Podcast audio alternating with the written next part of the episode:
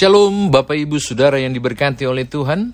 Saya Pendeta Nyoman Jepun, saya mengajak saudara untuk membuka Injil Lukas pasal 12. Injil Lukas pasal 12, kita akan membaca ayat 22 hingga ayat yang ke-31. Injil Lukas pasal 12 ayat 22 hingga ayatnya yang ke-31.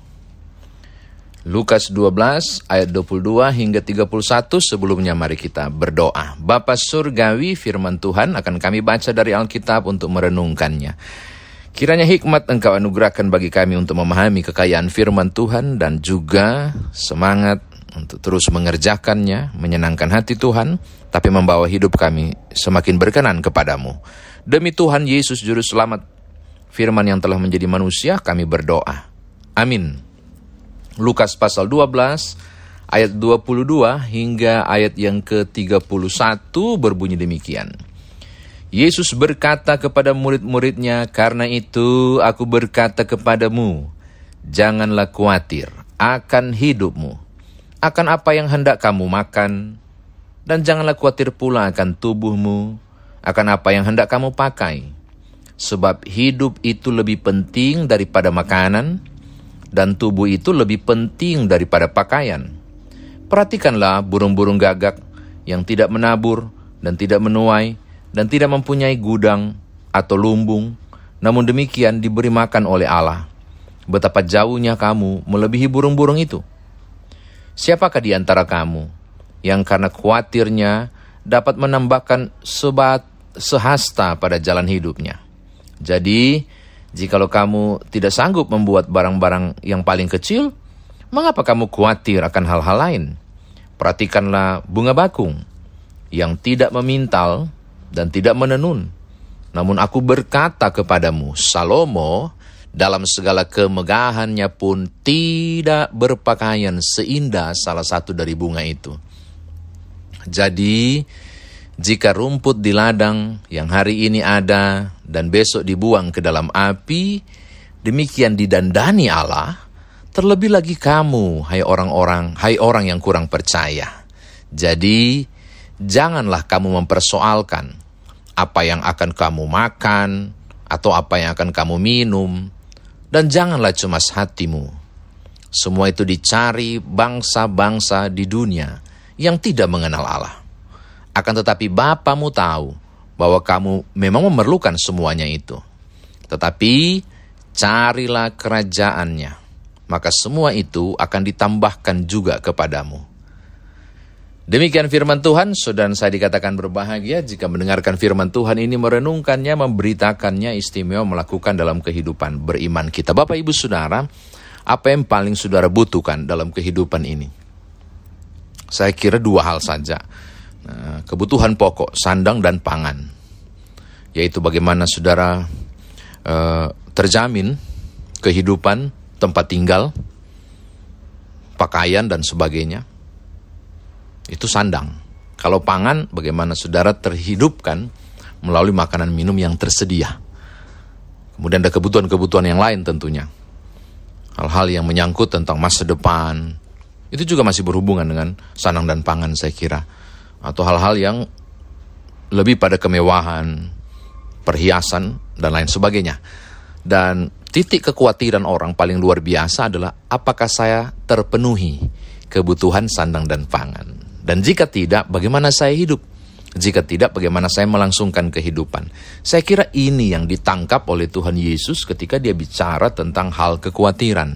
Dalam Injil Matius ini masuk pada ucapan di bukit atau khotbah di bukit. Bapak Ibu Saudara, mari kita lihat beberapa hal penting pada bagian ini. Di ayat 22 sampai ayatnya yang ke-23 itu menyebut hal yang luar biasa tentang kebutuhan pangan dan sandang. Pangan diwakili soal makanan dan minuman untuk kemudian e, tubuh, lalu kemudian e, sandang itu bicara soal hal-hal yang menyangkut tentang e, pakaian yang juga bicara soal perumahan dan sebagainya, tapi Yesus menyebut tentang apa yang mau dipakai dan lain sebagainya. Dua hal ini menjadi kebutuhan primer bagi siapa pun. Dan ketika itu tidak terpenuhi, tentu tidak mengalami kelangsungan kehidupan. Saya mau katakan hal yang pertama kepada saudara bahwa Kuatir itu manusiawi. Kuatir, tapi kuatir berlebihan itu yang kemudian dimaksudkan oleh Tuhan Yesus. Janganlah kuatir akan hidupmu, akan apa yang hendak kamu makan, dan jangan khawatir pula akan tubuhmu, akan apa yang hendak kamu pakai. Karena yang lebih utama adalah bukan pakaian, tapi tubuh. Yang lebih utama bukan makanan, tapi hidupmu. Mudah-mudahan saudara tangkap bahwa pokok utama bukan soal apa yang membungkus tubuh, yaitu pakaian, apa yang melindungi tubuh atau rumah, misalnya. Yang paling pokok adalah bukan soal apa yang dimakan, masuk dalam makan untuk memberi kehidupan. Tapi yang paling pokok adalah bagaimana kehidupanmu. Yang mesti dikhawatirkan adalah apakah tubuh dan hidup kita berfaedah dan bermanfaat. Itu yang paling utama. Bukan soal apa yang mesti dipakai dan dikasih makan. Jadi uh, saya melihat Yesus, Tuhan Yesus mengarahkan hal-hal yang ber, menyangkut um, kebutuhan uh, jasmani ke kebutuhan rohania. Memberikan tubuh itu menjadi makna yang lebih besar dan hidup itu menjadi lebih besar maknanya apakah bermanfaat dan berguna.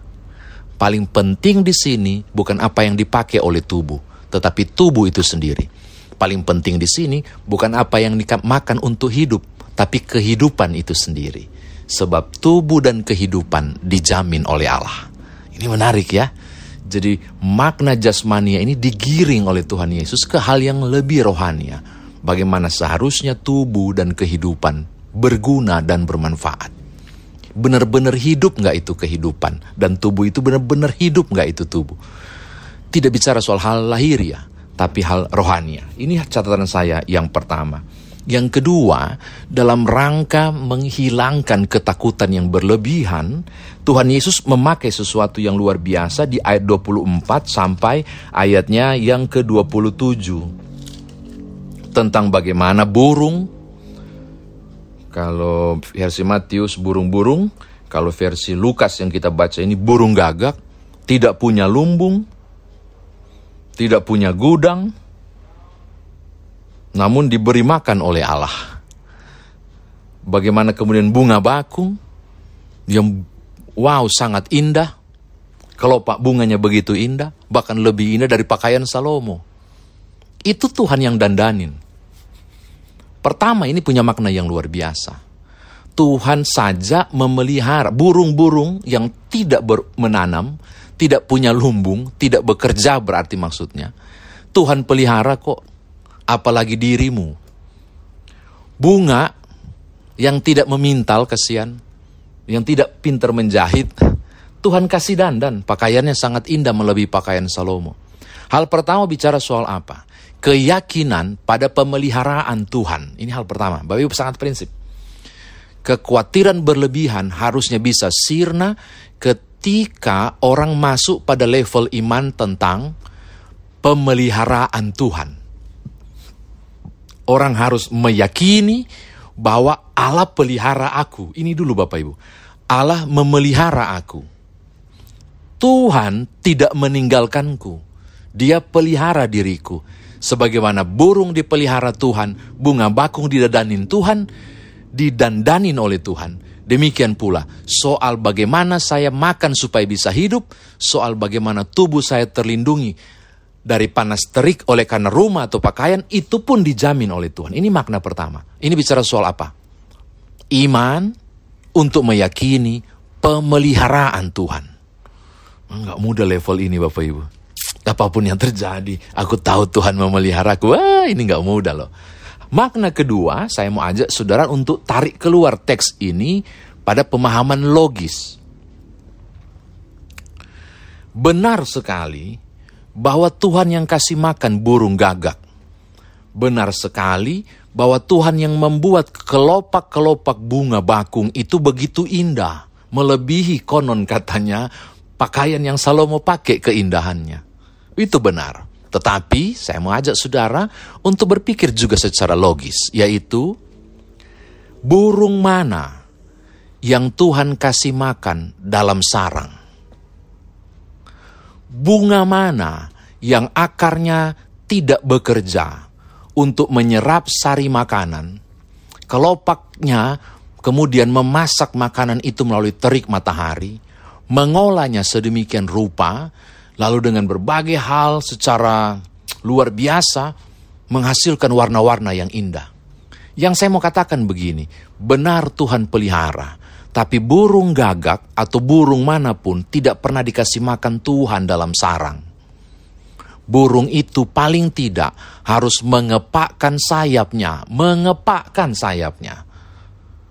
Lalu menyambar gandum milik petani misalnya atau buah-buah dan seterusnya dia makan. Dia harus mengepakkan sayapnya sebab Tuhan tidak pernah memberi makan burung itu dalam sarang. Dia harus berupaya. Bunga bakung sekalipun akarnya harus bekerja. Saat hijau daunnya pun harus berproses luar biasa. Dengan bantuan sinar matahari. Menjadikan makanan dalam tubuhnya dan menghasilkan kelopak-kelopak bunga yang luar biasa. Apa yang saya mau katakan? Tingkat pertama saya bilang tadi, keyakinan pada pemeliharaan Tuhan.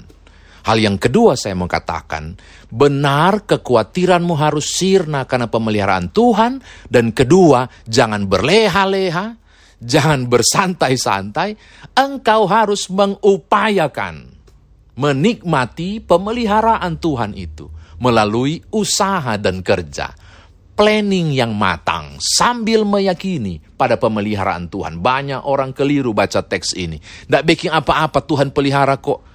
Ya, kira itu mujizat jatuh dari langit tuh. Mesti ada upaya.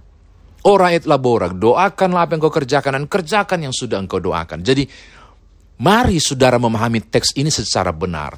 Yakinlah pada pemeliharaan Tuhan. Dan bentuk pemeliharaan Tuhan itu proses di mana engkau dan Allah menjadi kawan sekerja untuk menjemput berkat itu. Gitu Bapak Ibu. Itu hal yang kedua. Yang ketiga, saya menyukai bagian yang sangat penting ini. Tetapi carilah, ayat 31, tapi carilah kerajaannya, maka semuanya itu akan ditambahkan juga kepadamu. Tetapi ayat 32 menarik walaupun kita tidak baca. Janganlah takut, hai kamu kawanan kecil, karena Bapamu telah berkenan memberikan kamu kerajaan itu. Memberikan kamu kerajaan itu. Tapi dibilang carilah kerajaan itu. Makanya saya bilang tadi soal kita harus berupaya. Kita dapat jaminan kerajaan Allah. Tetapi engkau harus merespon undangan untuk cari kerajaan Allah itu. Bahwa penting sekali upayanya, upayanya sangat penting. Ayat 32 bilang Tuhan kasih kerajaan itu. Tapi ayat 31 bilang carilah kerajaan itu. Apa maksudnya? Utamakan dulu pembaharuan diri yang berhubungan bukan hanya hal lahiriah tentang apa yang dipakai, tentang apa yang dimakan, tetapi tentang apakah tubuh dan kehidupanmu benar-benar terpenuhi kebutuhan makanan dan pakaian rohaninya. Kan itu mau bicara apa itu? Kedekatan kepada Allah. Bukan kedekatan kepada kebutuhan-kebutuhan duniawi lahiriah. Tapi membangun kebutuhan-kebutuhan rohania. Itu maksudnya. Carilah dahulu kerajaan Allah bicara soal kebutuhan rohania. Bukan cuma melulu kebutuhan jasmani, makanan, pakaian, perumahan, dan sebagainya. Apa jaminannya? Maka segala sesuatu, semuanya itu ditambahkan juga kepadamu. Sudah lihat, ditambahkan loh. Bukan diberikan loh. Tolong periksa teks ini. Baik Injil Matius maupun Injil Lukas menulis ditambahkan. Ditambahkan berarti so ada. Ditambahkan berarti so dimiliki. Mar Tuhan kasih ulang. Kalau diberikan berarti kosong dan engkau dapat. Tapi dikata ditambahkan berarti engkau sudah punya dan Tuhan kasih lebih. Ketika engkau mengutamakan untuk mencari pemeliharaan Tuhan, memenuhi kebutuhan-kebutuhan rohania untuk tubuhmu dan untuk kehidupanmu ketimbang makanan pakaian saja. Ini menarik ya. Imbangilah kebutuhan-kebutuhan itu. Saya kira demikian firman Tuhan ditafsirkan baik kita. Nah sekarang bagaimana kita bawa dalam kehidupan beriman kita. Bapak Ibu, kita mensyukuri perjalanan yang Tuhan buat dalam kehidupan ini, dalam pemeliharaan, kasih Tuhan yang luar biasa. Hari ini firman Tuhan mau bilang hal sangat penting. Berikanlah pembuktian terbalik. Saat mana saudara merasa tidak ada jaminan dari Allah? Saya menantang Bapak Ibu yang mendengar firman Tuhan ini. Berikan pembuktian terbalik. Kalau awal kalau teks-teks Alkitab hanya bilang, "Oh, Tuhan memelihara kamu, percayalah dan sekali dan seterusnya, Tuhan akan menjagamu." Saya kasih balik. Mari buktikan di bagian mana Tuhan tidak pelihara saudara. Engkau bangun pagi hari ini. Engkau bangun di hari ini. Itu bukti pemeliharaan Tuhan. Maka seharusnya tidak khawatir untuk jalani kehidupan. Ini yang pertama.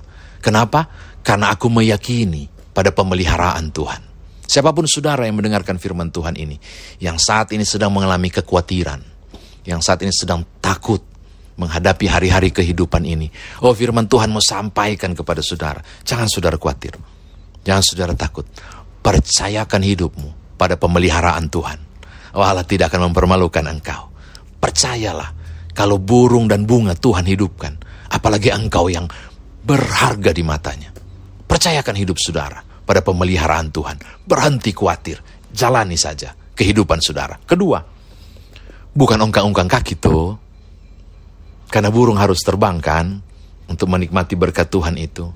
Karena akar dari rumput, akar dari bunga bakung harus bekerja keras menyerap sari makanan bukan? Dan kelopaknya bung, e, daunnya itu saat hijau daunnya berkolaborasi dengan matahari kan untuk masak makanan, menghadirkan kelopak-kelopak yang indah. Hal kedua yang saya mau katakan kepada saudara, penting sekali. Engkau meyakini pada pemeliharaan Tuhan, namun tidak kalah pentingnya engkau percaya bahwa cara Tuhan memelihara engkau pula dari upaya kerja yang engkau lakukan. Saya senang mau sampaikan ini. Bapak Ibu, berusahalah sampai engkau tidak bisa berusaha lagi. Nah, gitu. Berusahalah sampai peluh kering dan tidak bisa keringat lagi. Berusahalah sampai engkau tidak bisa bangun lagi ketika jatuh. Berupayalah secara maksimal. Saya percaya kok bahwa Tuhan tidak akan mempermalukan upaya saudara. Karena dia sudah janji akan pelihara saudara. Maka apa pun yang kau kerjakan dan lakukan seharusnya berhasil untuk masa depanmu. Janji Tuhan. Tapi saya mau tutup. Semua itu tidak akan terjadi. Jika engkau lupa mencari hal-hal yang rohania. Bukan hanya hal-hal banania dan jasmania. Bendawi saja. Engkau punya tanggung jawab iman untuk terus menghidupkan tubuhmu dan kehidupanmu dengan kebutuhan-kebutuhan rohania. Carilah kerajaannya. Dekatkan diri pada Tuhan. Bagaimana mungkin Tuhan memelihara saudara dan saya jika engkau jauh dari sumber pemelihara itu yaitu Allah. Dekatkan diri kepada Tuhan. Hidupi kebutuhan rohanimu. Dan Alkitab janjikan.